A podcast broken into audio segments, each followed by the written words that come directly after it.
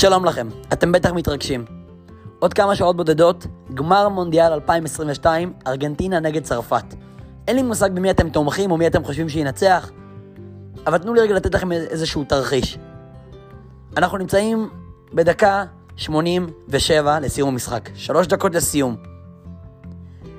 ארגנטינה מובילה על צרפת ב-1-0. החלוץ הצרפתי מחזיק בכדור, מתחיל להתקדם איתו לאט לאט, כבר עולים לדקה 88, אוטוטו 89-90. הוא כבר קרוב מאוד לשער, יש לו סיכוי מעולה להבקיע את הגול הזה ולה, ולהפוך את התוצאה ל-1-1, תיקו, מה שיוביל לפנדלים. אבל משום מה, כשחלוץ צרפת עומד מול השער, כמעט בועט את הכדור, הוא מאבד את הכדור, קופץ על הרצפה, צרפת מאבדת את הכדור, והמשחק נשאר בדקה ה-90, 1-0 לטובת ארגנטינה. ארגנטינה מנצחת את המונדיאל. אלופת העולם 2022. ייגשו חברי הקבוצה של צרפת אחרי המשחק, וישאלו את אותו חלוץ, למה בדיוק כשעמדת מול השער והיה לך הזדמנות מעולה, כל כך טובה, להבקיע את הגול שיהפוך את המשחק הזה לתיקו, ואז אולי בפנדלים היינו צריכים להפוך את התוצאה, למה איבדת את הכדור? והוא יספר להם שעל הדשא הייתה מונחת חבילה של כמה שטרות של מאות יורו.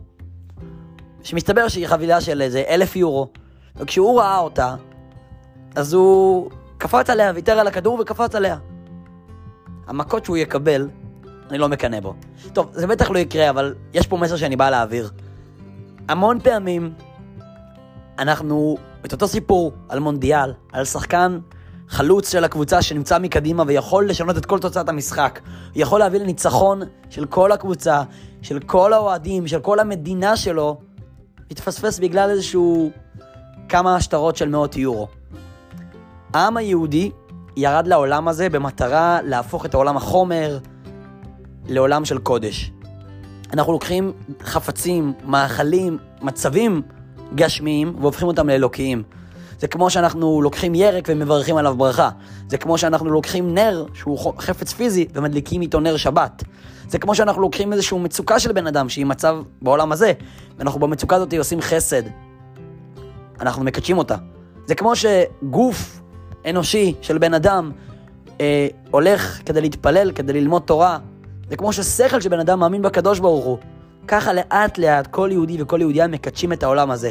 המטרה הסופית שלנו היא שהגאולה האמיתית והשלמה כבר תגיע. כשהעולם כולו יהיה מואר מספיק באור רוחני, באור אלוקי, כל החומר הגשמי, כל המצבים הגשמיים, כל בני האדם הגשמיים, יזדככו להיות טיפה יותר אלוקיים, טיפה יותר קשורים לקדוש ברוך הוא, יותר מקיימי תורה ומצוות, יותר עושים חסד ויותר עושים אור. הקדוש ברוך הוא יוכל לחזור לעולם. הקדוש ברוך הוא בהתחלה היה בעולם הזה, האלוקות הייתה בעולם הזה. בחטא עץ הדעת, כשהאדם הראשון וחווה עשו עבירה בניגוד לרצונו של הקדוש ברוך הוא, ואכלו מעץ שהיה אסור להם לאכול, הם הורידו לעולם את הערבוב של טוב ורע. מאז לא כל דבר הוא טוב ונעים וקדוש ומואר, זה מעורבב. סכין יכולה להיות חלילה שדוקרים איתה ועושים איתה פיגוע, ולאו דווקא שמצילים איתה חיים בניתוח. מאכל אפשר לאכול אותו כדי לעשות מצווה, אבל לאו דווקא אפשר לאכול אותו כדי לעשות משהו רע. עם ישראל כולו הוא כמו נבחרת כדורגל שמנסה להוריד את הכדור, את האלוקות, לתוך השער, לתוך העולם הזה. במשך עש... עשרות, מאות, אלפי דורות, עם ישראל, דור אחרי דור אחרי דור, כל דור במלחמה שלו, מתמודד עם החלק שלו במגרש. להכניס את האלוקות טיפה יותר לתוך העולם. יש דור שהתמודד עם מצב כזה, דור עם מצב אחר, דור אחד התמודד עם המנורה הראשונה, השתמשו במנורה הראשונה בעולם כדי ללמוד תורה. דור אחרי זה כבר המציאו את ה... רכבים, השתמשו ברכבים כדי לעשות מעשה חסד. ככה זה הולך ומתקדם עד הדור שלנו, שאנחנו מתמודדים עם שלב אחר במגרש שהדור הקודם והדורות לפניו עוד לא התמודדו איתו. הדור שלנו, אנחנו היהודים עכשיו, נמצאים ממש מול השער. הטכנולוגיה, המצבים בעולם, הכל כבר מסמן לנו שאנחנו נמצאים ממש מול השער. העולם רועד, אנחנו רואים מלחמות כל כך מוזרות, תופעות כל כך מוזרות. אנחנו גם מצד שני, עם כל הדברים המוזרים שמסמנים על הגאולה, גם רואים תופעות כל כך חיוביות. איך יותר ויותר אנשים לא מאמינים בחרב, איך יותר ויותר אנשים מאמינים באור, איך יותר ויותר אנשים מתקרבים לתורה ומצוות. אנחנו רואים שמצד אחד יש סימנים של גאולה, ומצד שני העולם נעשה יותר ויותר טוב וקדוש ומוכן, יותר לימוד תורה, יותר עשיית חסד. הדור שלנו נמצא מול השאר. כל יהודי וכל יהודייה יכולים להבקיע את הגול המנצח.